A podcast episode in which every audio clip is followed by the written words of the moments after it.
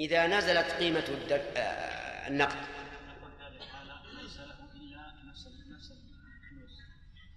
لم لم فإذا نقصت القيمة فنقول هذا قدر الله نقصت القيمة فليس المهم أنه يلزم المقرض بقبولها ولو نقصت القيمة كما يلزم المقترض بتسديدها ولو زادت القيمة عرفتم؟ ويظن بعض الناس أنها إذا كسدت فإنه يجب آه، آه، قيمتها. وليس كذلك. ما دام أنه ماشي وهي نقد لكن رخصت ليس له إلا إلا هذا. وهذا وقع في هذا في هذه الأعوام الأخيرة وقع كثيرا. أناس مثلا استقرضوا من نقد بلد معين وكسد النقد نقد البلد. فلما جاءوا يوفون قال المقرضون ليش تعطونا هذا؟ لازم تعطوننا قيمة في ذلك الوقت. مثل في ذلك الوقت تسوى ألف, آه، ألف دولار والآن ما تساوي إلا مئة دولار. أعطونا ألف دولار. نقول ليس لكم إلا ذلك. كما أنها لو كانت تساوي وقت القرض ألف دولار ثم عند الوفاة عشرة آلاف دولار. ألا يلزم المقترض بأن يسدد؟ أي نعم. طيب. نعم. ما في أسئلة الآن؟ مناقشة هذه بارك الله فيك. طيب. يرد المثل في المثليات. ما هو ضابط المثل يا عبد الله بن عوض؟ ضابط المثل؟ نعم. يعني يكون يكون يعني مثله يعني يوجد ما هو ضابطه عند عند الفقهاء؟ نعم.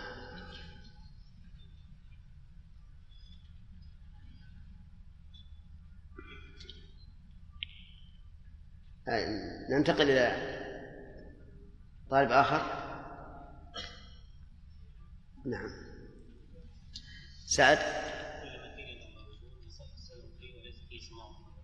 كل مكيل أو موزون يصح السلام فيه وليس فيه صناعة مباحة.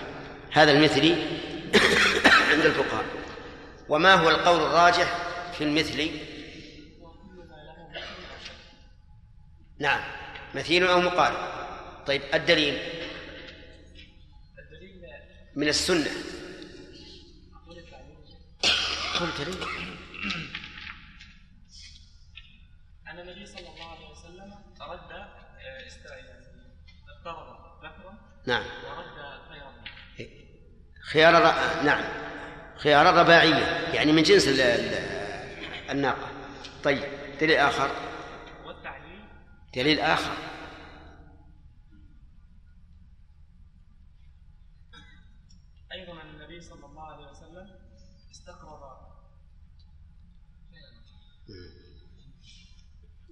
طيب هات التعليل. التعليل أنه اقرب يعني المثيل أو الشبيه اقرب ثمنا من نعم. صحيح.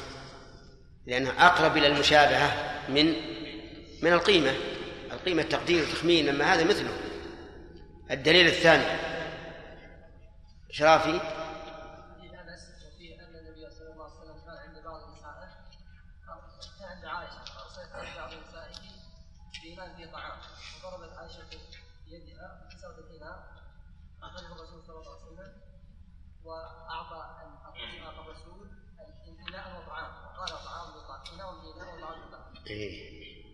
طيب.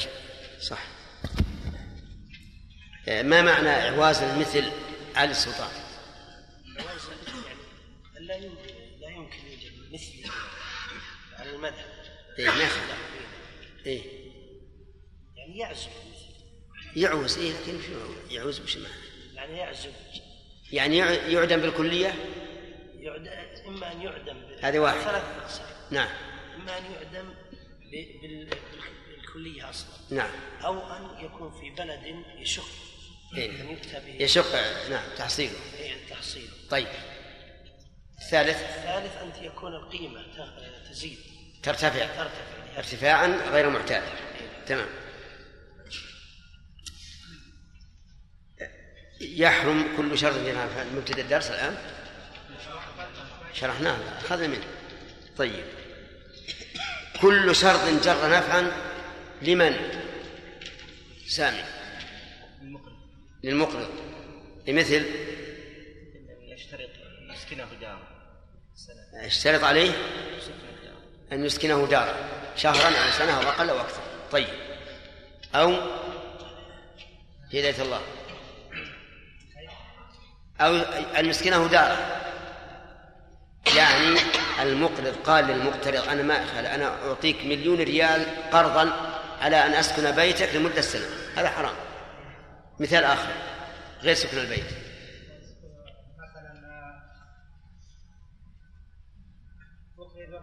مليون ريال.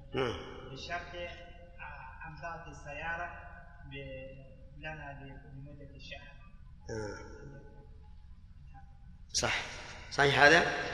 طيب. إذا شرط عليه قال أنا أعطيك مثلا ألف ريال بشرط أن توفيني ألفا وعشرة هل من هذا النوع؟ من هذا النوع. طيب. بشرط أن توفيني أحسن. أقرضه برا وسطا. قال بشرط أن توفيني برا جيد. كذلك. إذن ال- ال- الشرط سواء كان في الأوصاف أو في العدد أو في أعيان أخرى في أي شيء إذا اشترطه المقرض فإنه يكون محرما. لكن ما هو التعليل لهذه المسألة؟ نعم. أي نعم. ها؟ تعليل التحريم. إي لكن هذا هذا ما يكفي لأن هذا هو الحكم. لكن لماذا كان حراما؟ لأنه ربا. أو طريق للربا. كيف كان؟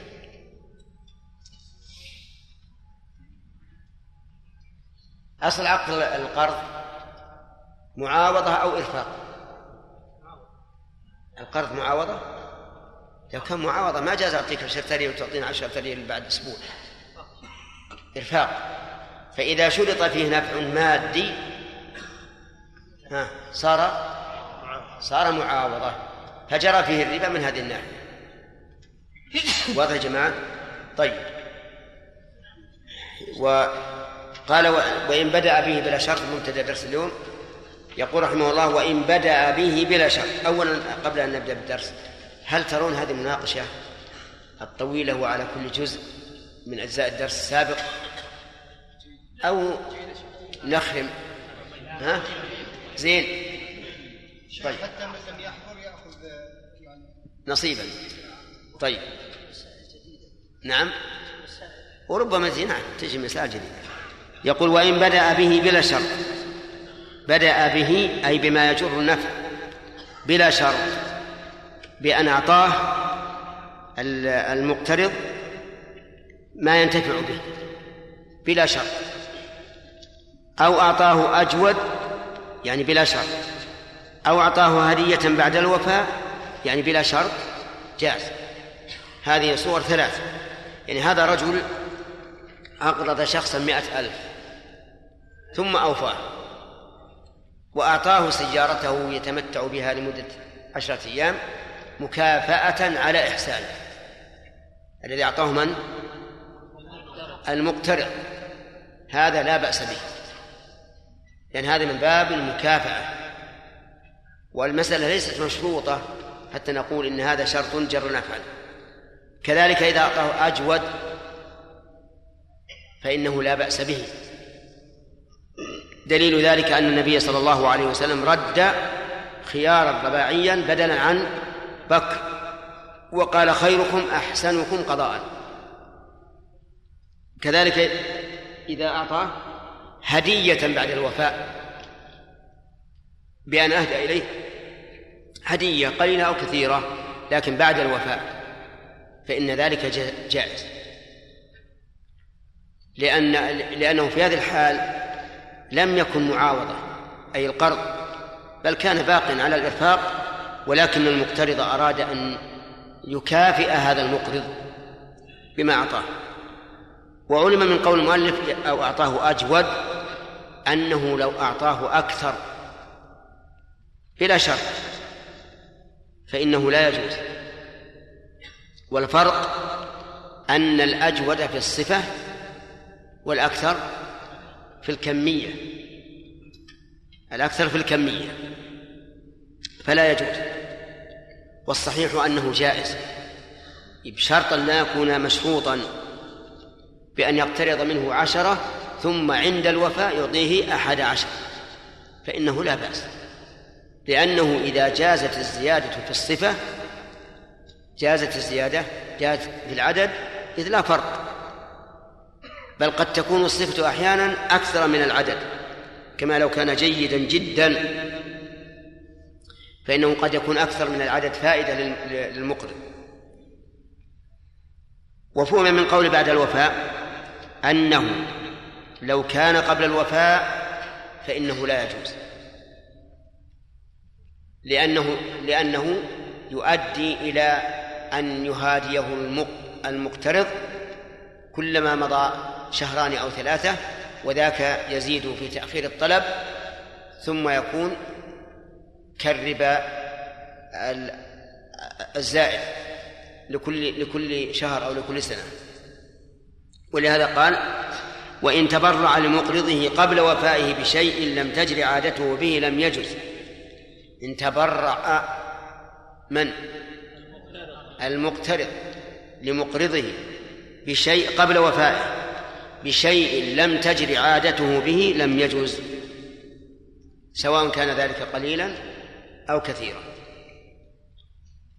وعلم من قوله لم تجر عادته به أنه لو كان من عادته أن يتبرع له في مثل هذه المناسبة فإنه لا بأس أن يقبل وإن لم يحتسبه من دينه مثاله أن يكون الذي أقرضه صاحبا له. وجرت العادة أنه إذا سافر يعطيه هدية بعد رجوع من السفر كما هو معروف فيما سبق.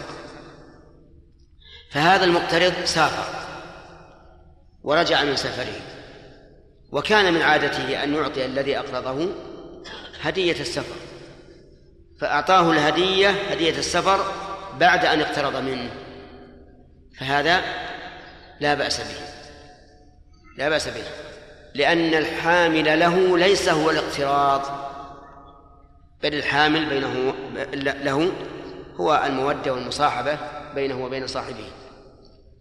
كذلك يقول نعم لم يجز إلا أن ينوي مكافأته أو احتسابه من دينه. إلا أن ينوي أي أي المقرض مكافأته أي مكافأة المقترض أو احتسابه من دينه. مثال هذا في في مسألة المكافأة إنسان استقرض من شخص ألف ريال. ثم إن المقترض أهدى إلى هذا المقرض ساعة مئتين ريال. فله أن يقبلها بشرط أن ينوي المكافأة بشرط أن ينوي المكافأة بمثل ثمنها أو أكثر بمثل قيمتها أو أكثر بشرط أن ينوي المكافأة بمثل قيمتها أو أكثر. فإن قال قائل لماذا لا يردها أصلا؟ ما دامت المسألة حراما فلماذا لم لا يردها؟ قلنا إنه قد يمنعه الحياء من الرد من الرد. قد يمنعه الحياء من الرد. لأنه من الصعب أن يقول لا أريدها. أنا قد أقرضتك. فنقول خذها وانوي المكافأة. كافئه عليه. أعطه ساعة تساوي مئتين أو ساعة تساوي أو ساعة تساوي ثلاثمائة ما في مانع. أو ساعة تساوي مئة. لا. ليش؟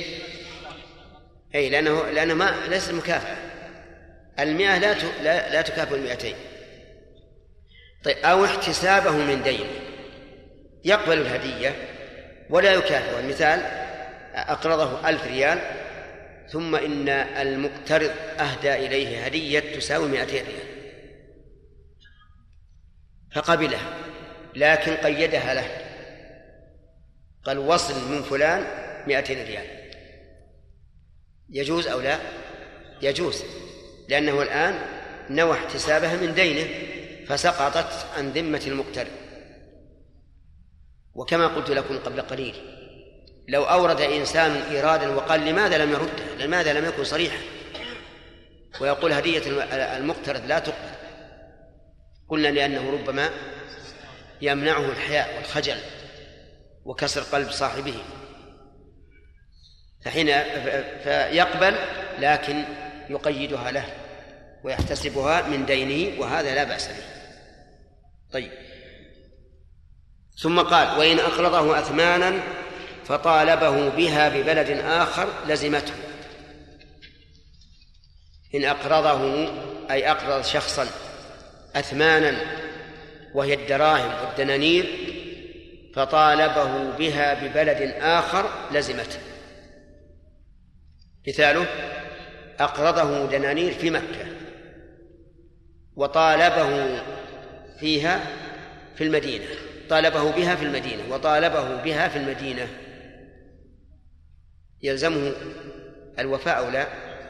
يلزمه الوفاء لأنه لا ضرر عليه. القيمة واحدة في مكة أو في المدينة. لأن النقد كله نقد سعودي ولا يختلف. بين بلد وآخر. أما إذا كان في في في, إذا كان في بلد يختلف عن البلد الذي أقرضه فيه فهنا قد يلحقه ضرر. قد تكون قيمته أغلى. وحينئذ نقول لا يلزمه لا يلزمه آه، الموافقة. إن وافق فذاك المطلوب وإن لم يوافق فلا يلزمه. طيب إذا قال أقرضك ألف ريال بشرط أن توفيني إياه هو هو في مكة بشرط أن توفيني إياه في المدينة. يجوز؟ ننظر. يقولون إذا كان لحمله مؤونة وهذا لا يصح في مسألة النقود إذا كان لحمله مؤونة فإنه لا يجوز. لأنه في هذه الحال يجر إلى المقرض نفعا.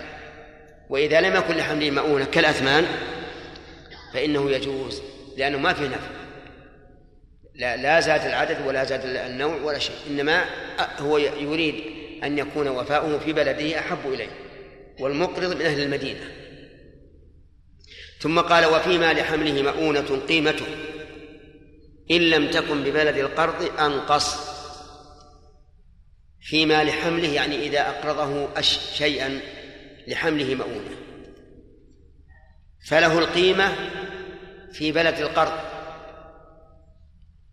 له القيمة في بلد القرض. مثال ذلك أقرضه مئة صاع بر في مكة وطالبه بها في المدينة. من المعلوم أن مئة صاع بر لحملها مؤونة. أليس كذلك؟ طيب. فيقول المقترض لا لا يلزم. ولا ولا المكان الوفاة هو بلد القرض. وهذه لحملها مؤونة. يشق عليه. فلا يلزمه أن يوفي. وظاهر كلام المؤلف رحمه الله لا فرق بين أن يكون أن تكون أن يكون المطالب به قيمته مساوية لبلد القرض أو مخالفة. إلا أنه استثنى قال إن لم تكن ببلد القرض يقول أنقص والصواب أكثر. لأن إذا كانت أنقص ما لم يأتيه ضرر. إذا كانت أنقص فلا ضرر عليه ويلزمه أن يوفي. مثال ذلك المثال الأول أقرضه مئة صاع في مكة وطالبه فيها وطالبه بها في المدينة. قيمتها في مكة مئة ريال. قيمتها في المدينة ثلاثمائة ريال. يلزمه أن يوفي بالمدينة أو لا؟ لا يلزمه يا أخي. هو هو الآن لا لن يوفي. برا له القيمة في في بلد القرض في بلد القرض كم؟ 200 وهنا في في المدينة ب 300 إذا نقول سلم 200 الآن ما عليك ضرر. ليس عليك ضرر. أما إذا كانت في بلد في مكة أكثر وقلنا إنه إن له القيمة في في آه، قيمتها في مكة فهنا لا يلزم. لا يلزمه القيمة. ليش؟ لأنها ستزيد عليه. فماذا يرد الآن؟ يرد المثل. والظاهر أنكم ما فهمتم طيب. المسألة الأولى فهمتوها ولا لا؟ أقرضه مئة صاع بر في مكة. وطالبه بها في المدينة. مئة صاع لحملها مؤونة. أليس كذلك؟ طيب. نقول الآن لا يلزم المقترض أن يحملها من مكة إلى المدينة لأن عليه ضرر. إذا ماذا يلزمه؟ يلزمه قيمتها في مكة. قيمتها في مكة سألنا عنها وقالوا إن إن قيمتها في مكة 200 ريال. وقيمتها في في المدينة 300 ما الذي يلزمه؟ 200 ريال. واضح. يعني لا نقول لازم تشتري لنا آه، برا ب 300 ريال. يلزم 200 ريال. واضح؟ طيب. إذا كانت في في في مكة ب 300 وفي المدينة ب 200 فاهمين زين؟ ما هو بلد القرض؟ مكة. في مكة بمئة آه بثلاثمائة. في المدينة اللي هو طلب بلد الطلب. المدينة الآن هي بلد الطلب ومكة بلد القرض في المدينة مئتين وفي مكة بثلاثمائة. هنا لا يلزمه القيمة في مكة. ليش؟ لأن عليه لأن عليه ضررا. يقول أنا أشتري لك الآن مئتين صاع آه، مئة صاع من المدينة مئتين ريال. فيرد هنا إيش؟ المثل. حتى وإن كان لحمله مؤونة. لأن الآن لأنه الآن كسب. كسب يبي يبي ثلث الثمن يبي ينزل عنه. والمؤونة يمكن عشرة ريالات. تأتي بها من مكة إلى المدينة. فالحاصل الآن إذا طالب المقرض المقترض ماله بغير بلد القرض. فإن كان لحمله مؤونة فإنه لا يلزم المقترض أن يدفع المثل وإنما يدفع إيش؟ القيمة. إلا إذا كانت القيمة في بلد القرض أكثر منها في بلد الطلب فحينئذ يدفع المثل. يدفع المثل لأنه لا ضرر عليه. كل يعرف أنه إذا اشترى مئة صاع من المدينة بمئتين أحسن مما لو اشتراها في مكة كم؟ ثلاثمائة. وحينئذ يلزم بدفع المثل. واضح. ولهذا يعتبر كلام المؤلف رحمه الله فيه سبقة قلم. حيث قال إن لم تكن ببلد القرض أنقص. ولهذا تعقبه الشارح بقوله صوابه أكثر. صوابه أكثر. لأن إذا كانت إذا كانت ببلد القرض أنقص فليس عليه ضرر أن يرد المثل. أليس كذلك؟ ما عليه ضرر. القيمة. إذا كان إذا كانت القيمة في بلد القرض أكثر فلا ضرر عليه في هذا الحال. أن يشتري المثل ويرده. وما قاله الشارح هو الصواب.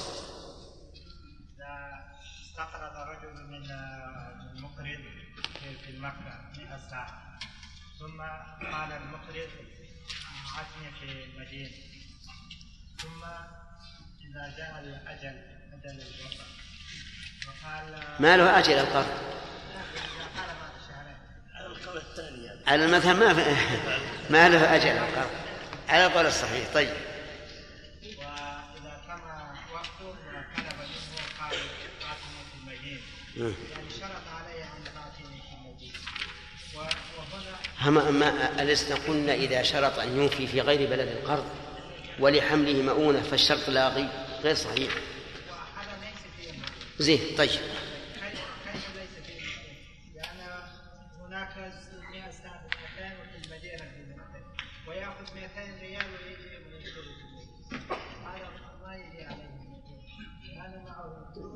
طيب لا بأس.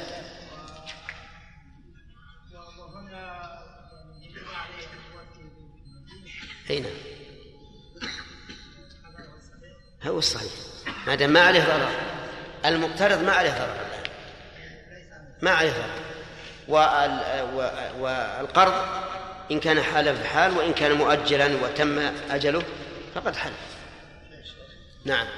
إذا اشترط يا شيخ بارك الله فيكم المقرض نعم. على المقترض أن يكون الوفاء بغير بلد القرض. نعم.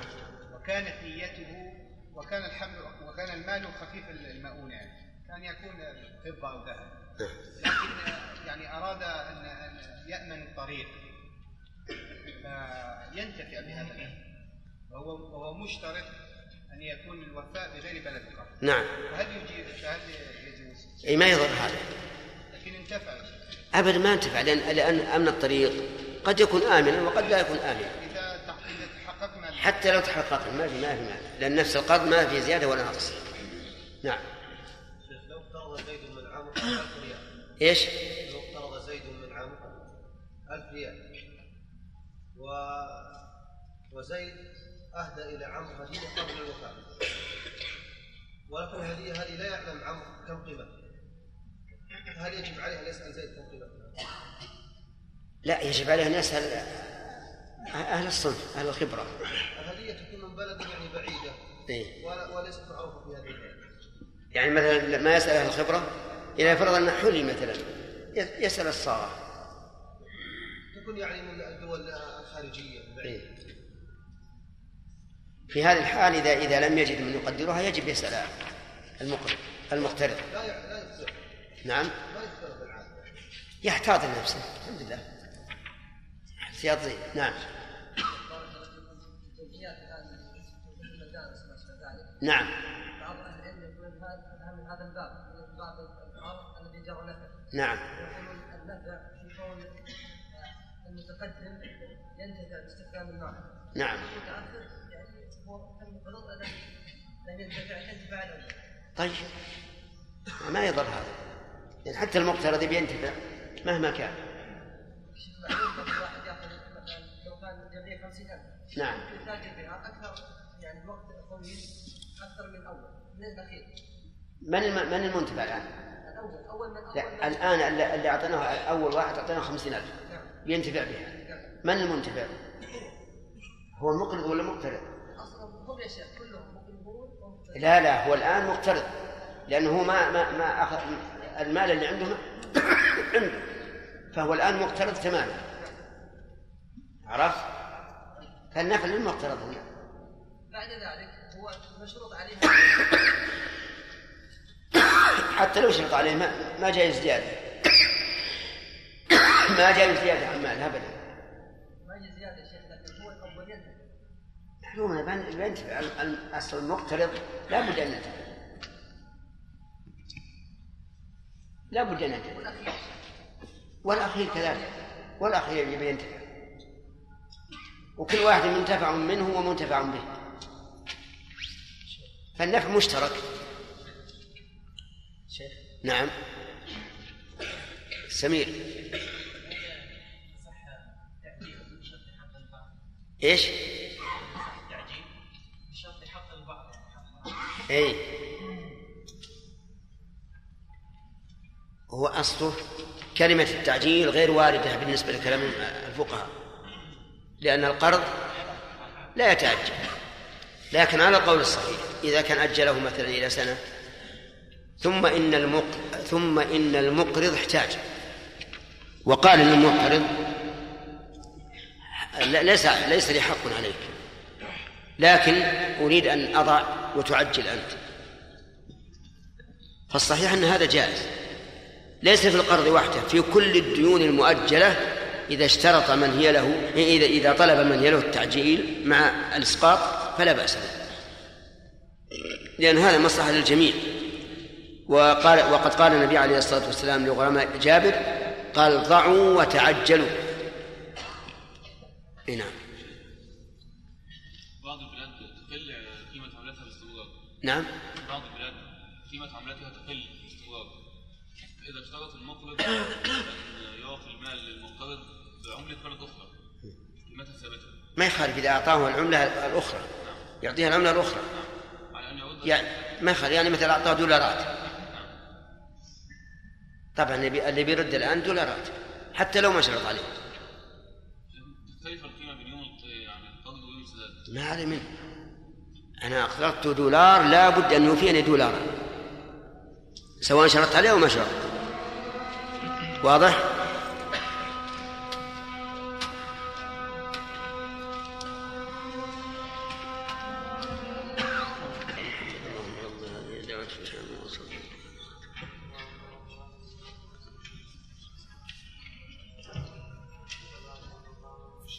وش سؤالك يا. هل يجوز للخروج من مسألة نزول العملات تقييم قيمة تقييم ولا تقويم؟ التقويم نعم. تقييم هذه لغة فاسدة. تقييم هذه الفلوس بما يساويها من ذهب أو فضة على أن يكون السداد في وقت الأداء ما يساوي هذا ال- التقويم. إذا فعل هذا لم يكن قرضا صار هذا معاوضة فلا يجوز.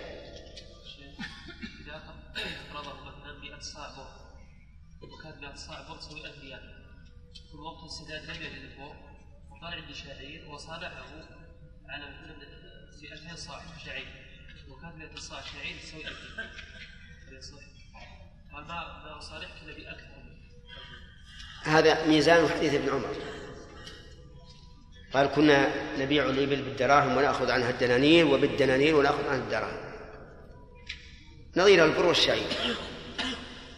فقال لا بأس أن تأخذها بسعر يوم. ما لم تتفرقا وبينكما شيء. فيقال مثلا هل مئة الشع... آه، مئتين الشعير تساوي مئة البر؟ قال نعم. لا بأس. لكن آه، يتقابلون قبل التفرق. ما يجوز. أكثر صار- صارت معاوضة. نعم. رجل أخذ من بلد تبرعات لمشروع خيري ألف ريال مثلا. فلما ذهب إلى بلده وصرفها بعملة بلده نقض آه، تعطل هذا المشروع فصرفها صرفها هو نفس الشخص الذي أخذ هذه الأموال وبعد فترة نزلت قيمتها فأصبحت تساوي 500 ريال قيمة العملة بالعملة الأخرى. إيه. فالآن إذا بدأ هذا المشروع هل نقول له يلزمه قيمة الألف ريال أو يلزمه هل هو متصرف باجتهاد؟ إن كان باجتهاد ويرى أن هذا هو المصلحة فلا عليه شيء لأن كل من تصرف باجتهاد فتبين خطأه فلا شيء عليه. لا معتدي يكون إذا صرفها لنفسه فهذا معتدي. متعدي عليها الضمان. ولهذا نحن نرى أن أن مثل هذه المسائل كما ترون النقود أو العملات تتغير. أن تجعل بالعمرة بالعملة الثابتة. مثل الدولار. يعني ينبغي على طول أنه يحولها إلى دولارات. لأن هذه عملة ثابتة ويسمونها العملة الصعبة. أما يخليها تعرف الآن قالوا لنا في بعض البلاد صار اللي اللي يساوي في الأول عشرة ريال ريالات صار ما يساوي ولا ريالين. مشكل نعم. انتهى الوقت. محمد وعلى آله وأصحابه ومن تبعهم بإحسان إلى يوم الدين. ما هو القول الراجح فيما إذا أجل القرض؟ القول الراجح أنه يتأجل بالتأجيل. أعندك دليل على هذا؟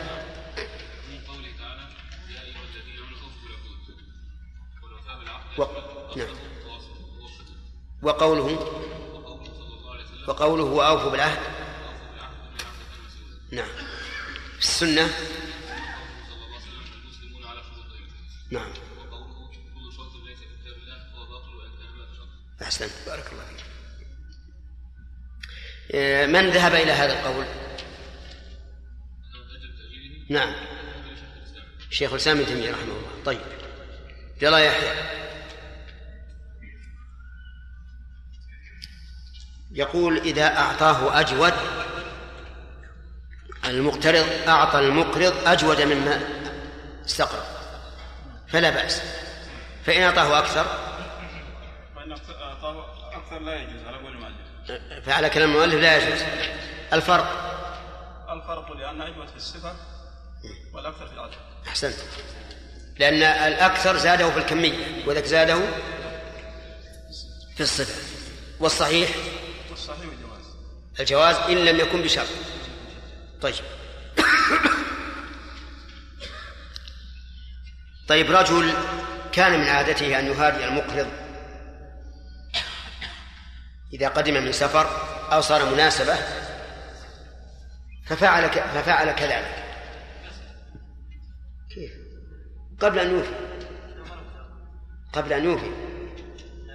أعطاه هدية قبل أن يوفي. سد الخلل هذه يا أخي. نعم. اي ما يصح. طيب.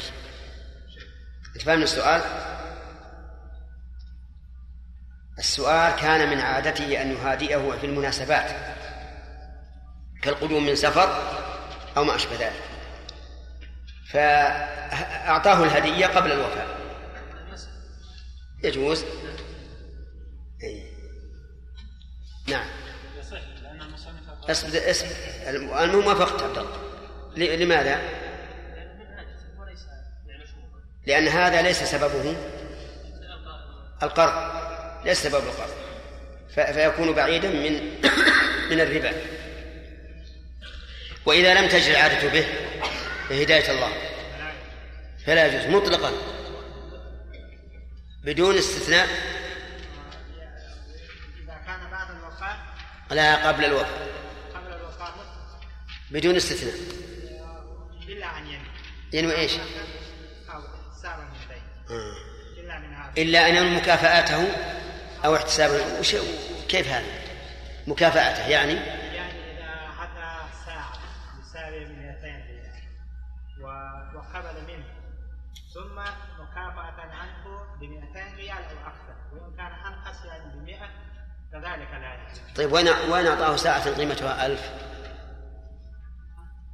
نقطعه ساعة قيمتها ألف مهم مئتين.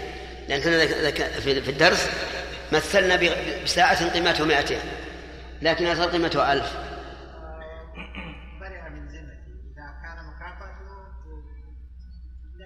يعني إذا كافأه بما يساوي ألف فلا بأس. طيب. أو احتسابه من دينه وش معناه؟ يعني إذا قيد في إيه، أحسنت. أي وبقي عليه كذا تمام. فهمتم كلامه؟ احتسابه من دينه يعني يقيد له قيمة الهدية. طيب. هذه ت... آه، ننتقل بها إلى مسألة وهي ما لو أهدى أحد الطلاب إلى المدرس شيئا. نعم. أي نعم. يجوز أن يقبل ولا لا؟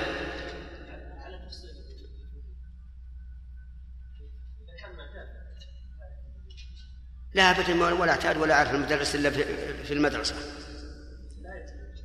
نعم. إيش؟ أهداه. أهداه. جاء إليه بساعة وتفضل يا أستاذ أنت رجل حريص ومجتهد جزاك الله خير. وهذه إكراما لك. ساعة. أي أحسنت. يعني في مثل هذا ربما يخجل المدرس أن يردها. نعم. لأن الطالب إنما جاء بها ليفرح إذا قبلها المدرس. فهنا ربما يخجل. نقول اقبلها ولكن ها كافئه بمثلها أو أحسن. وهذه تفرج عن عن الإحراجات في بعض الأحيان. طيب. إنسان أقرض شخصا ألف ريال في مكة وتصادف في المدينة فقال أعطني قرض. ما تقول يا عبد الرحمن؟ يلزم. قال ما معيش.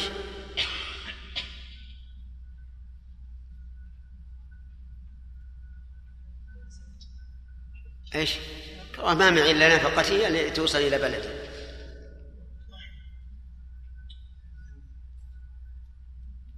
يحبسه؟ ها.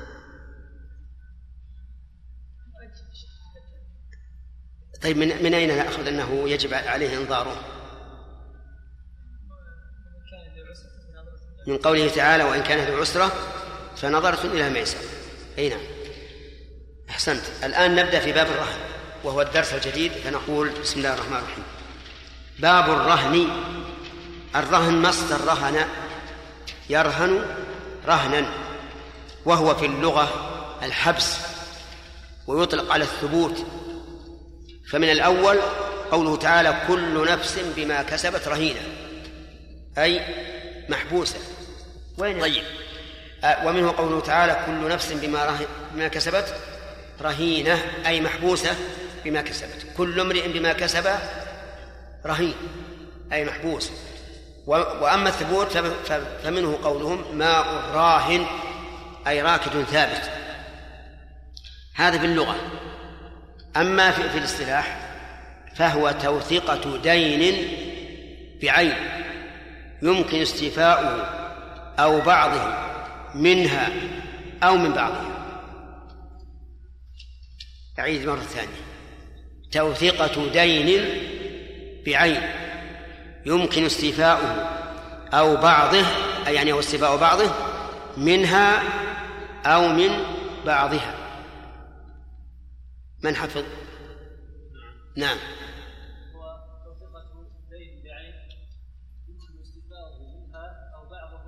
يمكن استيفاؤها أو بعضه؟ منها أو من بعضها تمام. هذا في الرهن هذا تعريف اصطلاح. فقولنا توثيقة دين بعين. مثاله إنسان في ذمته لي ألف ريال. ذمتي ألف ريال. فأعطاني ما قيمته ألفا ريال. رهنا بالدين. هنا يمكن استيفاء الدين من بعض الرهن أو من كل الرهن. من بعض الرهن؟ طيب. مثال آخر آه، رجل في ذمته لي ألف ريال. وأعطاني رهنا يساوي خمسمائة ريال. هذا يمكن استيفاء بعضه منها منها. وكله جائز يعني سواء كان الرهن أكثر من الدين أو الدين أكثر من الرهن. لأنه إن كان الرهن أكثر من الدين فالتوثقة ظاهرة وإن كان أقل من الدين فالتوثقة في بعض الدين خير من لا توثقة طيب وقولنا توثيقة دين بعين بعين. يفيد أنه لا بد أن يكون الرهن عينا فإن كان دينا فإنه لا يصح. على كلام الفقهاء لا يصح. مثال ذلك أنا أطلب فلانا عشرة آلاف ريال فأمسكت وقلت أعطني عشرة آلاف ريال. قال ما عندي. طيب أنت تطلب فلانا عشرة آلاف ريال. اجعل دينه الذي لك رهنا لي. فهنا توثقة إيش؟ دين بدين. توثقة دين بدين. فلا يصح. وذلك لأن الدين الذي في ذمة الآخر لا يجوز بيعه إلا على من هو عليه. فإذا كان كذلك فإنه لا يصح أن يكون رهنا. وقيل بل يصح أن يوثق الدين بالدين. ويكون المدين الثاني كأنه إيش؟ كأنه ضامن كأنه ضامن. يقول نعم أنا مستعد أن أن أوفيك ما في ذمتي لفلان إذا لم يوفك. وهذا هو الصحيح لأنه يجب أن نفهم قاعدة مفيدة جدا أن الأصل في المعاملات إيش؟ الحل والصحة. ما لم يوجد دليل على التحريم والفساد. وهذه من نعمة الله. أن الطريق الموصل إلى الله الأصل فيه المنع يعني العبادات. الأصل فيها المنع حتى يقوم دليل على أنها مشروعة. وأما المعاملات بين الناس فمن رحمة الله وتوسعته على عباده أن الأصل فيها عجيب. الإباحة والحل. إلا ما ورد الدليل على منعه. وعلى هذا فنقول ما المانع من أن نوثق الدين بالدين أي مانع؟ ما ما ما دام ليس فيه مانع لا ظلم ولا غرر ولا ربا. فالأصل الصحة طيب الرهن من عقود التبرعات المعاوضات التوثيقات. الثالث الثالث نعم من عقود التوثيقات. وعقود التوثقة رهن وضمان وكفالة. ثلاثة أشياء. عقود توثقة رهن وضمان وكفالة. آه الرهن يقول المؤلف يصح يصح في كل عين يجوز بيعها. الآن بين المؤلف ما الذي يصح رهنه؟ وربما نأخذ من ذلك أيضا ما حكم الرهن. الأصل في الرهن الصحة كما قلنا ودليله من كتاب الله وسنة رسول الله صلى الله عليه وعلى آله وسلم والإجماع والنظر الصحيح. فأدلته كم؟ أربعة. كتاب سنة إجماع نظر صحيح. أما الكتاب فقال الله تعالى وإن كنتم على سفر ولم تجدوا كاتبا فرهان مقبوضة. وأما السنة فقال النبي صلى الله عليه وعلى آله وسلم الظهر يركب بنفقته إذا كان مرهونا ولبن الدر يشرب بنفقته إذا كان مرهونا وعلى الذي يركب ويشرب النفقة. هذا دليل من السنة. الإجماع منعقد على هذا. النظر والقياس يقتضي ذلك لأن الناس محتاجون إلى أن تمشي معاملاتهم معاملاتهم. محتاجون إلى ذلك. فيستفيد الراهن ومن؟ والمرتهن. لأن المرتهن يقول أنا لا لا لا أقرضك مثلا إلا برهن فإذا أعطى الراهن المرتهن رهنا انتفع. الراهن ينتفع أيضا حيث يجد من؟ إيش؟ من يقرضه ويقضي حاجته. واضح؟ وكل شيء يتضمن المصلحة بدون مفسدة راجحة فإن القياس يقتضي حله وجوازه لأن أصل الشريعة الإسلامية أصلها مبنية على المصالح. المصالح الخاصة الخالصة أو الراجحة هذا مبنى الشريعة الإسلامية. إذن الرهن جائز بإيش؟ الأخ؟ جائز بإيش؟ دليله أصبر دليله إيش؟ أنواع الأدلة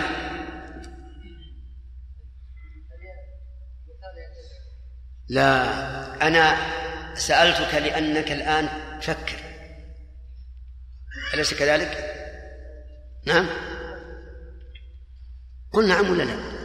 نعم ولهذا انتبه إذا فكرت وراح عليك كلمة واحدة ما عاد تبني على شيء. طيب اصحى تمام. الكتاب والسنة والإجماع والنظر الصحيح. لكن ما الذي يصح رهنه؟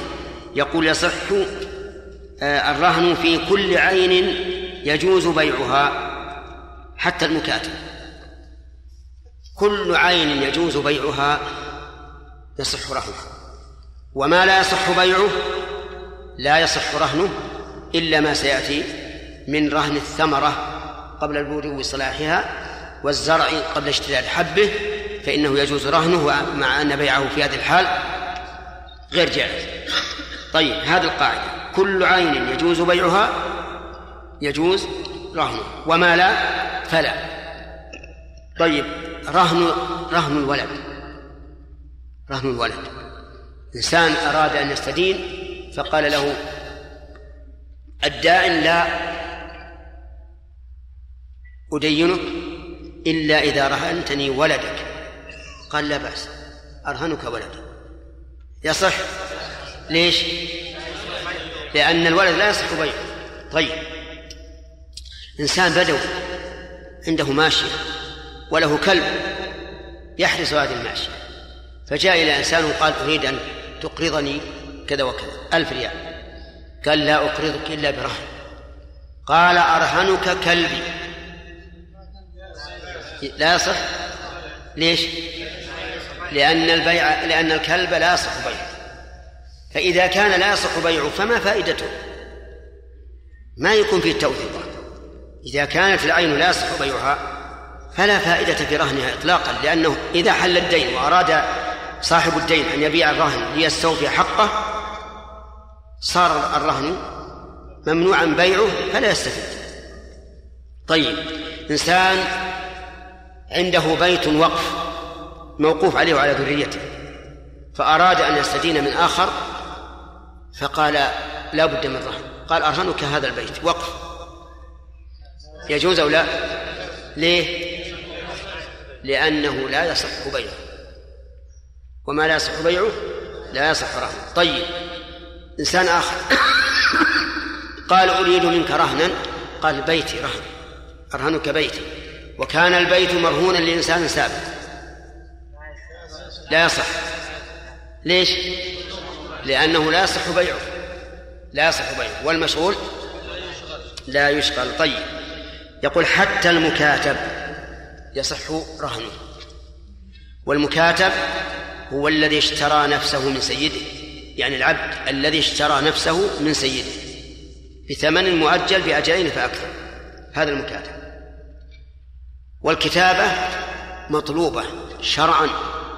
بل قال بعض العلماء إنها واجبة إذا طلبها العبد وعلم السيد فيه خيرا. لقول الله تعالى والذين يبتغون الكتاب مما ملكت أيمانكم؟ إيش؟ فكاتبوهم إن علمتم فيهم خيرا. أي صلاحا في دينهم وكسبا في دنياهم. طيب هذا الرجل له مكاتب. يعني له عبد اشترى نفسه منه. وأراد أن يرهنه. هل يجوز رهنه؟ مكاتب يا أخوان. يجوز. لماذا؟ لأن المكاتب يصح بيعه. لأن المكاتب يصح بيعه. ثم إن أوفى عتق وبطل الرهن. وإن لم يوفي يعني حل أجل آه، دين الكتابة ولم يوفي عاد رهنا هو وكسبه إذن المكاتب يصح رهن المدبر. المدبر تعرفون من هو؟ هو الذي علق عتقه بالموت فقال سيده إذا مت فعبدي حر. فهل يجوز له أن يرهنه؟ يجوز لأنه يجوز أن يبيعه فجاز أن يرهنه لأن هذا المدبر لم يعتق حتى الآن. متى يعتق؟ إذا مات سيده. طيب. قال مع الحق وبعده. يعني يصح الرهن مع الحق يعني مع الدين وبعده أي بعد الدين أي بعد الحق. مثاله قال بعتك هذا الشيء بعتك هذا البيت بمائة ألف على أن ترهنني بيتك الثاني. فقال قبلت. فهنا الرهن ما الحق ولا قبله؟ ما الحق. طيب. ويصح بعده. مثاله رجل أقرض شخصا مئة ألف. ثم جاء يطلبه. أعطني مئة ألف لأني أقرضتك بدون تأجيل. قال ما عندي. قال إذن أرهن أرهني بيتك. قال رهنتك إياه. يصح؟ وهذا إيش؟ بعد الحق. هل يصح قبل الحق؟ كلام المؤلف يدل على أنه لا يصح. يدل على أنه لا يصح. لأنه قال مع الحق إيش؟ وبعده. أما قبله فلا. مثال هذا إنسان جاء يطلب مني قرضا مئة ألف. وقلت أنا لابد من أن أتوثق. أترهنني بيتك؟ قال نعم. رهنتك بيتي في القرض الذي ستقرضني إياه. هنا الرهن. قبل الحق. نعم يقول يقولون لا يصح. لأنه متقدم على سببه. إذ أن الرهن توثقة دين بإيش؟ بعين. فإذا وثقت قبل الدين فإنه لا يصح لأنه قبل وجود السبب وكل شيء يقدم على سببه فهو لاغي. كل شيء يقدم على سببه فهو لاغي. ولهذا لو أن إنسانا أراد أن يحلف يمينا ثم قدم الكفارة قبل أن يحلف لم تجزئ لأنه قبل وجود السبب. و و وما ذهب إليه المؤلف هو المشهور عند فقهائنا رحمهم الله أن الرهن لا يصح قبل ثبوت الحق وعرفتم السبب. وقيل إنه يصح قبل الحق يصح قبل الحق. وكونه قبل السبب لا يضر. كما لو أن الإنسان اشترط في المبيع شرطا قبل تمام العقد فإنه يصح. إذا اتفق على على الشرط قبله هذا أيضا إذا اتفق على الرهن قبل العقد فما المانع؟ الحقيقة أنه لا مانع. ولو أننا فتحنا الباب وقلنا إنه لا يصح لتحيل المتحيلون. فجاء المس... المستدين للدائن وقال أنا أريد منك مئة ألف ولكني أعرف أعرف أنك لن لن تقرضني إلا برهن وأنا الآن أكتب لك رهن بيتي. رهنتك بيتي بمئة ألف التي تقرضني. قال طيب ما دام ما دام ما دام رهنتني البيت هذه مئة ألف ولما انتهى العقد قال له المستدين. إيه الرهن غير صحيح. ولا لك رهن. فيكون بهذا فتح باب لأهل الحياد فالصواب أن الرهن جائز مع الحق وقبل الحق وبعد الحق. وأنه لا مانع لأن عقد توثقة. في فيصح. ما جاء أي طيب. الأمة؟ نعم. هل يجوز الاستمتاع بالمرتهن؟ المرتهن بها. أسألك هل هو مالك؟ ليس بمالك. ليس مالك؟ أصبر يا رجال. ليس مالك. طيب ومن الذي يجوز له الاستمتاع؟ إما الزوج؟ لا أقول اللي يجوز له الاستمتاع بالمرأة إما الزوج وإما المالك. والذين هم لفروجهم حافظون إلا على أزواجهم أو ما ملكت أيمانهم. لا ما فيها فتنة. هذه يأتينا إن شاء الله. عاد هل يشترط القبض قبض الرهن أو لا؟ يجينا إن شاء الله. لأن القول الراجح أنه يجوز أن يرهن الشيء ويبقيه عند الراهن هذا القول الراجح؟ وحينئذ لا محذور نعم كمال. يلا. نعم. شيخ قلنا في القاعدة أنه ما لا يجوز بيعه لا يجوز الرهن به وضربنا مثال على ذلك الكلب.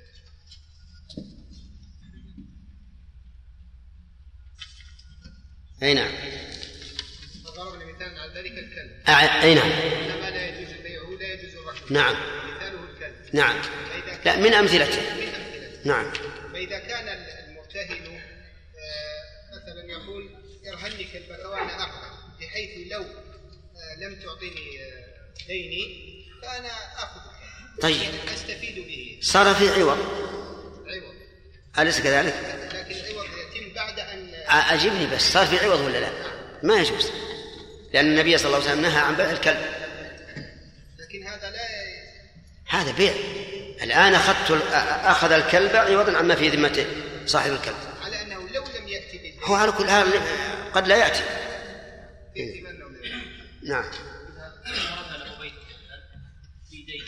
لكن قال بشرط يباع باقل من يقول؟ ما يحصل أقول هذا لا يمكن. لا يمكن. يمكن تنزل الأشياء. هو هو بيدهم ما يحصل وتحت الطلب والعرض. ما يصح. فؤاد؟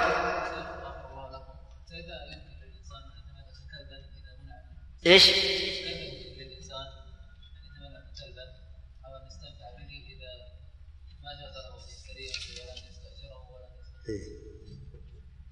يمكن يقول لصاحبه أنا محتاج وأنت غير محتاج وأنت إذا كنت غير محتاج لا يحل لك أن تقتنيه ففك نفسك من الإثم وأعطني إياه وش يسوي؟ وش يسوي؟ لأن لو قلنا مثلا له أن يتنازل عن اختصاصه بهذا الكلب بعوض صار هذا هو بيع الكلب في الوضع فلا فلا يصح. شرافي إيش؟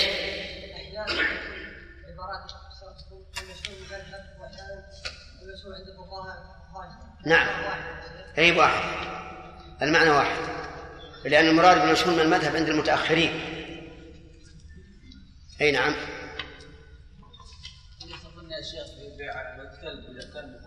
إيش؟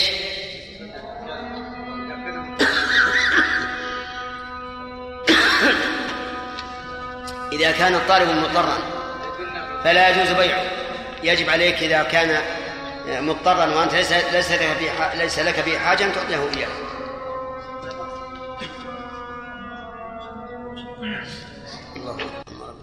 التامة والصلاة القائمة آت محمدا الوسيلة والفضيلة وبعث المقام محمود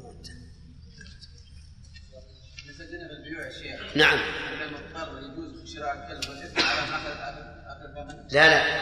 قلنا لأنه يتنازل ذاك عنه بعوض. ما هو على ما هو على سبيل البيع. ويكون الإثم على صاحب الكلب. يوسف. ناحية شيخ الهدايا التي يعطيها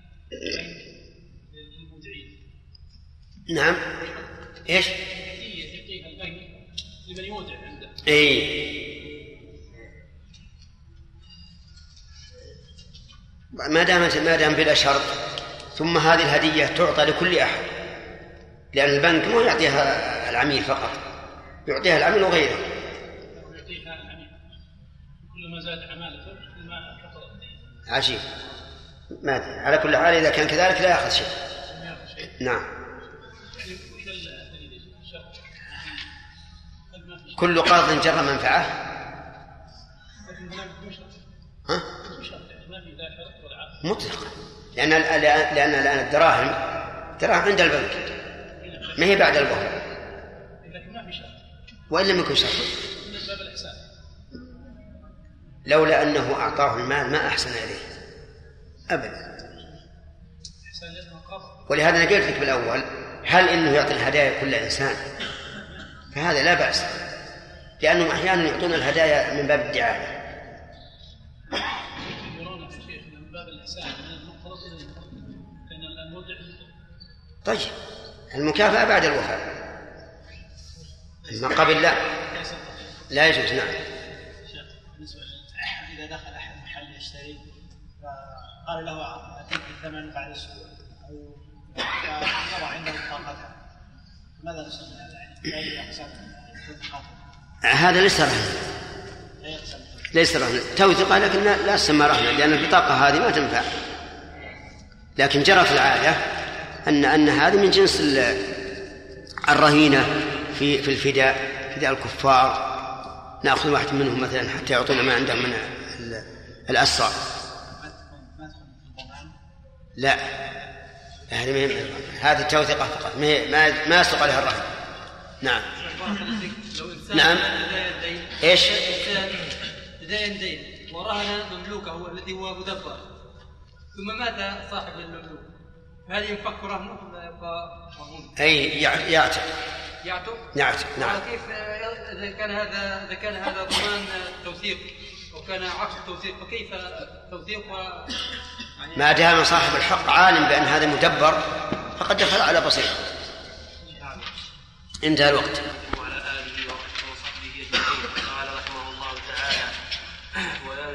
حق الراهن فقط ويصح رهن المشاع ويجوز رهن المبيع غير المك- المكيل والموزون على ثمنه وغيره. وما لا يجوز بيعه لا يصح رهنه إلا الثمرة والزرع الأخضر قبل بدو صلاحهما بدون شرط القطع ولا يلزم الرهن إلا بالقبض. بس. بسم الله الرحمن الرحيم. الحمد لله رب العالمين وصلى الله وسلم على نبينا محمد وآله وأصحابه أجمعين. الرهن أحد عقود التوثيقات.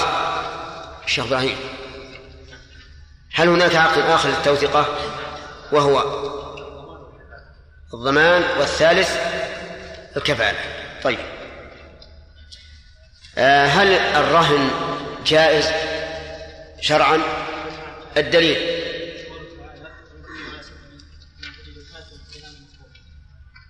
لماذا لم تقل الكتاب والسنة وما تضيف إليه إليهما أيضا. طيب. الكتاب والسنة والإجماع والنظر الصحيح. الكتاب السنة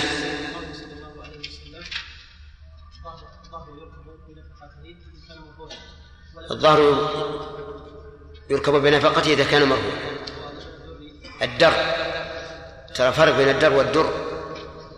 نعم.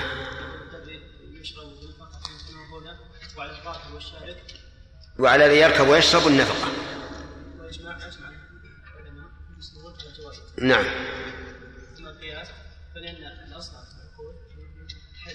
لا.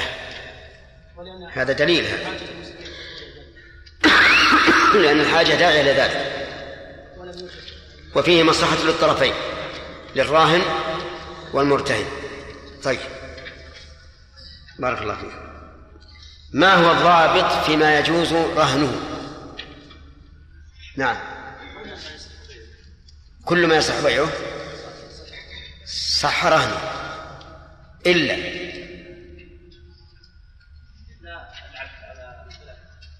العبد. مكاتب. لا. آدم. أنا أريد هذا. سيذهب أهلكم إلى باب القرض. لا يصح رهن الامع ويصح رهن العبد لا هذا هذا كلام في الق- في القرض. كل ما يصح رهنه يصح بيعه. حتى بني آدم. يعني يجوز بيع ال- ال- العبد. لكن لما كان باب القرض قريبا من باب الرهن ربما يذهب ذهن الطالب إلى إلى باب القرض. إيه، فعلا هو ذهب. طيب. ما هو ما هي ما هي على القاعدة قاعدة لا قاعدة أخرى ما هي إذا كل عين يص- يصح بيعها ها؟ يصح رهنها. كل عين لا يصح بيعها لا يصح رهنها إلا الثمرة وسيأتي إن شاء الله. فالقاعدة هذه بالعكس. يقول رحمه الله نبدأ الآن. إلا إذا كان نشوف هل يصح الرهن قبل الحق أو بعده أو معه؟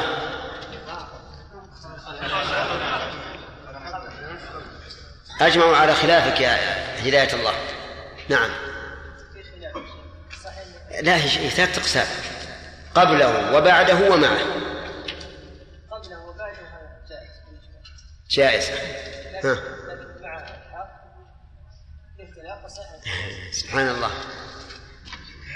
نعم. أي نعم. بعده ومعه جائز. نعم. أما قبله فالمؤلف ظاهر كلام المؤلف إنه لا يجوز. قبله. نعم. والصحيح أنه أنه جائز. تمام. طيب. مثاله مع الحق. يا هداية الله. ها؟ ما أخذ المسجل ها يعني استنى ما لا, لا ندرس إلا ما يأخذه المسجل. هذه القاعدة عندك. القاعدة عندك انه أننا لم ندرس إلا ما يأخذه المسجل. هذا نعم. إيش؟ مثاله مع الحق. مثاله مع الحق يعطيها مثلا 100 ريال قبض ويشترط ان رهنا نعم. طيب. هذا مع الحق. وبعده؟ بعده أن يعطيه ثم يلقاه بعد ذلك بعد أن يتفرق المجلس ويطلب منه الله. بعد أن ثبت الحق. جاء إليه يطلب حقه. وقال والله ليس عندي شيء. قال أنا أره- أرهنك. فأعطاه رهن طيب. وقبله؟ قبله يعني آه، قبل الحق. يعني يقول له آه، أعطيك كذا وكذا. رهنتك بيتي هذا على القرض الذي ستقضينيه غدا. نعم قبله. ودليل صحته قبله عموم قوله تعالى يا أيها الذين آمنوا أوفوا بالعقود. ثم قال المؤلف رحمه الله بدين ثابت. هذا متعلق بيصح يعني لا بد أن يكون بدين ثابت. أخذناه؟ لا ما أخذنا بدين ثابت يعني لا بد أن يكون الرهن بدين ثابت على من؟ على الراهن. على الراهن. الراهن هو الذي الذي يبذل الرهن وهو الذي عليه الدين. فلا بد أن يكون دينه ثابتا الدين الذي عليه. فإن كان غير ثابت كدين الكتابة مثلا ليس ثابتا على المكاتب إذ بإمكان المكاتب أن يعجز, يعجز نفسه فإنه لا يصح الرهن به. وذلك لأن الرهن عقد لازم والدين غير الثابت ليس بلازم ولا يمكن أن يوثق غير الثابت بإيش؟ بالثابت. فلذلك قالوا لا يصح أن يرهن إلا بدين ثابت. ولكن القول الراجح أنه أنه يصح الرهن بالدين غير الثابت ويكون الرهن تبعا للدين. إن استقر الدين وثبت ثبت الرهن واستقر وإلا فلا. لأن الرهن فرع عن الدين. فإذا ثبت فإذا كان الدين غير ثابت صار الرهن كذلك غير ثابت حتى يثبت الدين. يقول ويلزم في حق الراهن فقط. يلزم في حق الراهن فقط. أفادنا المؤلف رحمه الله أن الرهن عقد لازم من وجه جائز من وجه آخر. والمراد باللزوم والجواز هنا ليس الشرعية بل المراد الحكمي. أو إن شئت تقول الوضعي. هو جائز في حق الراهن. لازم في حق الراهن جائز في حق المرتهن. مثال ذلك رجل استدان من شخص مئة ألف وأرهنه سيارته. السيارة الآن بيد المرتهن. الرهن لازم في حق الراهن لا يمكن للراهن أن يفسخ الرهن ويقول أعطني السيارة. والمرتهن في حقه جائز ووجه ذلك أن الرهن حق على الراهن للمرتهن وحق للمرتهن على الراهن. وكل ذي حق فله أن يسقط حقه لأنه يملك ذلك. فإذا قال المرتهن أنا أبرأتك من رهنك وخذ الرهن وأنت في حل. بقي الدين مرسلا لا رهن فيه. لكن هل يؤجر المرتهن على ذلك أو لا؟ نعم ينظر. إذا كان هناك مصلحة بأن كان الراهن محتاجا للرهن. وكان رجلا عاقلا نعرف أنه يقدر أمور وأنه لن لن يلعب بالمال. فهنا قد نقول من المصلحة أن يتنازل عن الرهن لأجل أن ينتفع به صاحب أما إذا علمنا أن الراهن رجلا مبذرا سفيها لو أطلقنا له الرهن لباعه وتصرف وأضاع ذمته وأضاع حق الآخرين فهنا نقول الأفضل إيش؟ أن لا يتنازل. لأن الله قال في العفو وهو مما يحبه الله عز وجل قال فمن عفا وإيش وأصلح فأجره على الله. فأما بدون إصلاح فعدم العفو هو هو الخير وهو الصلاح. طيب وأفاد المؤلف بهذا أن الرهن عقد لازم من وجه جائز من وجه آخر. هناك قسم آخر من العقود لازم من الطرفين مثل عقد البيع. لقول النبي صلى الله عليه وسلم فإن وإن تفرقا بعد أن تبايعا ولم يترك واحد منهما البيع فقد وجب البيع. وجب يعني إيش؟ لازم. من الجانبين أو من جانب واحد؟ من الجانبين. هذا عقد لازم من الجانبين. هناك عقد جائز من الجانبين كعقد الوكالة. إنسان وكل شخصا كعبد السلام مثلا وكله أن يشتري له سيارة. نعم. فلكل واحد من الوكيل الموكل أن يفسخ العقد. أليس كذلك؟ وهل سرحت؟ نعم. ها؟ ارفع صوتك ما في شيء. معي في جسمك. اللهم اهدنا فيمن هديت. طيب. آه الآن هذا عقد جائز من الطرفين. للوكيل أن يفسخ الوكالة. وللموكل إيش؟ أن يفسخ الوكالة. لكن لو فرض أنه أن ذلك يتضمن ضررا على أحدهما فإن عموم قول الرسول صلى الله عليه وسلم لا ضرر ولا ضرار يمنع الضرر. وعموم قوله تعالى ولا وقياس قوله تعالى ولا تمسكوهن ضرارا لتعتدوا مع أنها رجعية. يريد إمساكه. قبل أن يتم الأجل أجل العده يقول الله عز وجل ولا تمسكوهن ضرارا لتعتدوا. إلى أن تقعوا في العدوان. فإذا قدرنا أن الوكيل قبل الوكالة قبل الوكالة في موسم الناس فيه نشيطون البيع والشراء. ثم لما فتر الناس فسخ الوكالة. أو لما رأى أن أن الوكلاء المعروفين آه، قد يعني انشغلوا فيما وكلوا فيه فسخ الوكالة من أجل أن يضطر الموكل إلى البحث عن وكيل ولا يجد. ففي هذه الحال نقول إن فسخه يتضمن ضررا على الآخرين. فلا نجيز له ذلك إلا بعذر. أما إذا كان عذر كعجز أو ما أشبه ذلك فهو معذور. لكن بلا عذر نقول إن النبي عليه الصلاة والسلام قال لا ضرر ولا ضرار والقرآن الكريم يرشد إلى هذا هذا المبدأ العظيم وهو قوله تعالى إيش؟ ولا تمسكوهن ضرارا لتعتدوا. أليس كذلك يا عوض؟ نعم. صارت العقود تنقسم إلى كم قسم؟ لازم من الطرفين. جائز من الطرفين لازم من طرف دون الآخر. وذلك حسب ما تقتضيه الأدلة الشرعية وعرفتم ما, ما, ما يستدل به. قال ويصح رهن المشاع. المشاع يعني مشترك. يصح أن يرهن المشاع. مثال ذلك بيت بين رجلين. بيت بين رجلين لكل واحد منهم النصف. فرهن أحدهما نصيبه لدائنه. يصح؟ مشاع. مشاع.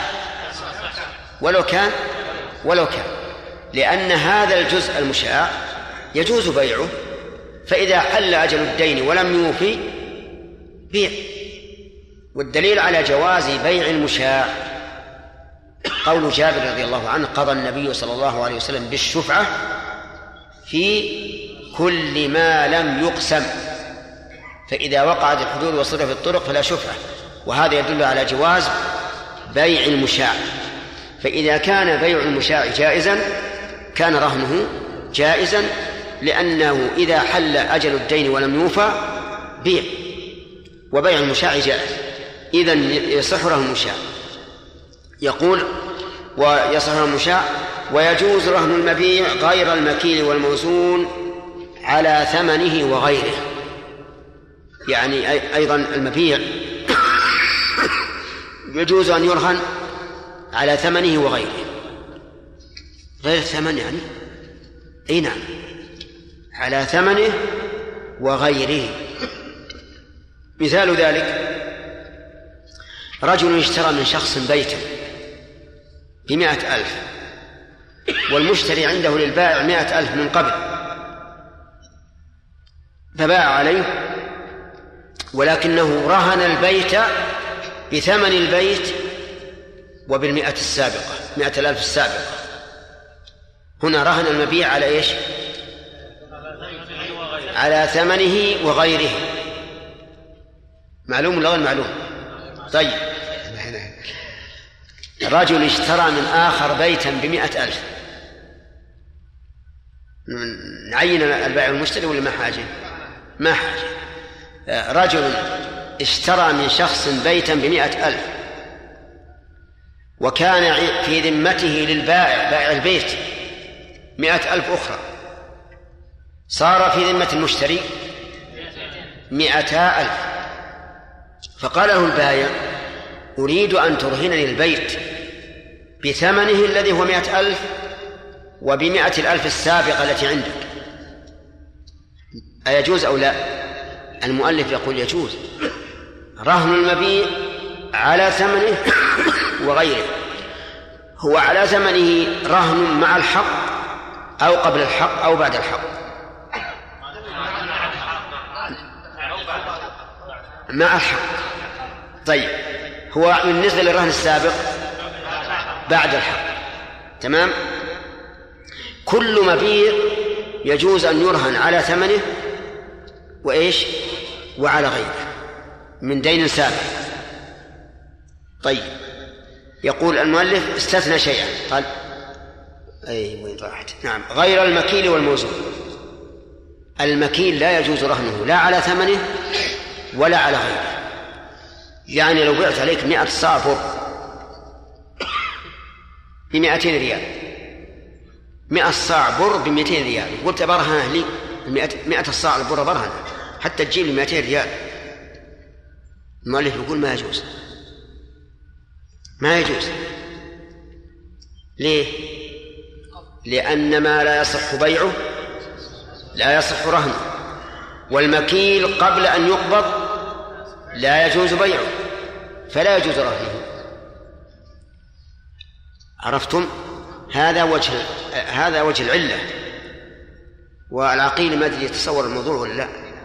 تصورته؟ طيب. إذن رهن المبيع جائز على ثمنه وغيره.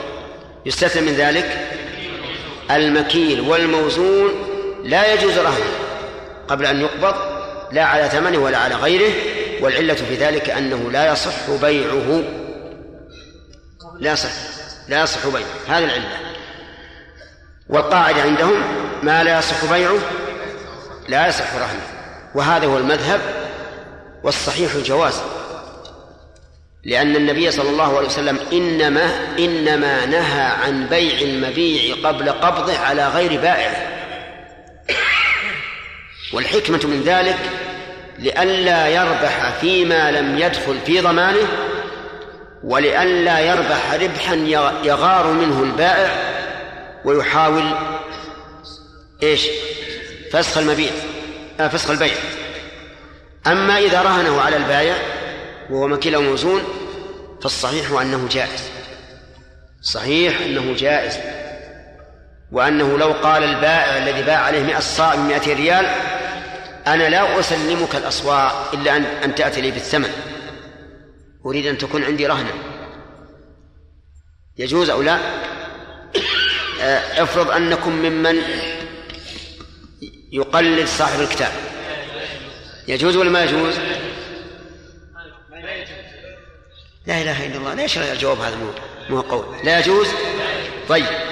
لكن القول الراجح أنه جائز وذلك لأن النبي صلى الله عليه وسلم إنما نهى عن بيع المكيل والموزون قبل قبضه على غير بائعه وهذا رهن على بائعه رهن على بائعه.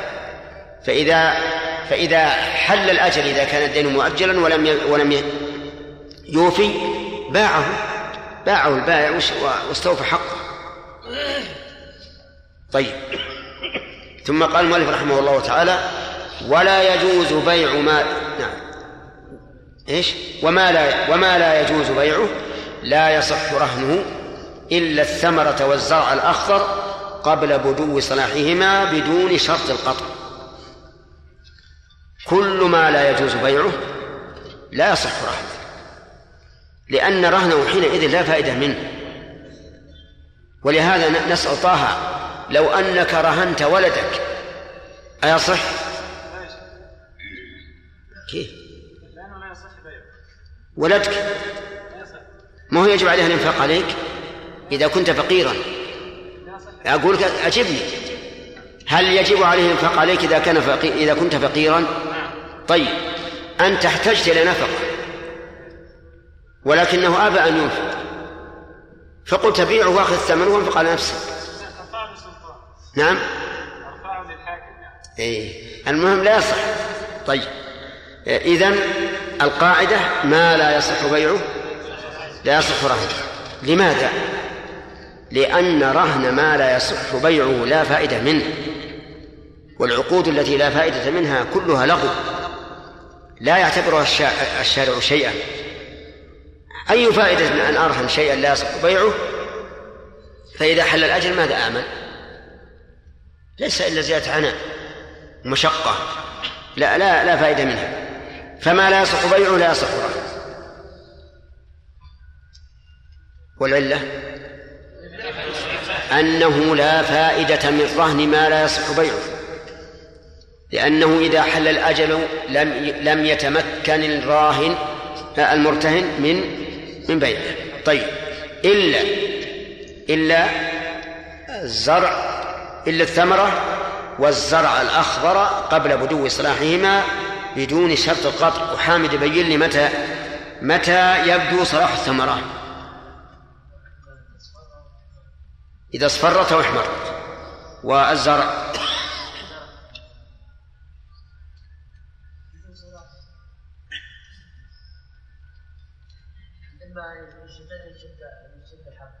إذا اشتد حبه. طيب. الزرع الثمرة والزرع الأخضر. قبل قبل بدو صلاحهما بدون شرط القطع. بيعهما قبل بدو صلاحهما بدون شرط القطع لا يصح. لكن رهنهما قبل بدو صلاحهما بدون شرط القطع إيش؟ صحيح. ليش؟ لأنه إذا حل الأجل فإن كان قد بدا صلاحهما أمكن البيع وإلا انتظر حتى يبدو الصلاح والمرتهن إذا كان يعرف أن الصلاح قد بقي عليه شهران أو ثلاثة قد دخل على بصير ما في إشكال. وهذا الاستثناء واضح. أنه يجوز أن أن ترهن الثمرة قبل بدو صلاحها وإن لم يشترط القطع. بل إن شرط القطع قد يكون مفسدا للعقد لأنه لا فائدة منه. طيب رهن الثمرة قبل خروجها والزرع قبل زرعه. أيصح؟ من أين نأخذ كلام مؤلف؟ قوله إلا الثمرة والزرع إلا الثمرة والزرع. وقبل بدو وقبل خروج الثمرة معدوم. والرهن توثيقة دين بعين. وهنا لا عين وعلى هذا فإذا جاء الفلاح إلى التاجر وقال أنا أريد أن أحدث هذه الأرض وأزرعها أريد أن تدينني تقرضني مثلا. قال نعم أنا أقرضك عشرة آلاف ريال لكن بشرط أن أرهن الزرع الذي سوف تزرعه في هذه الأرض. نعم؟ فإنه لا يصح. لأن الزرع الآن مو موجود. كيف كيف يرهن شيئا معدوما؟ لكن عمل الناس على خلاف ذلك. يرهنون ذلك باعتبار المآل. باعتبار المآل. طيب فإن قال قائل لماذا لا نعدل عن رهن الثمرة إلى رهن الشجرة؟ والشجرة قائمة. وعن رهن الزرع إلى رهن الأرض. الأرض قائمة ولا لا جاب أنت معنا؟ طيب. نقول الأرض قد تكون لغير المستدين.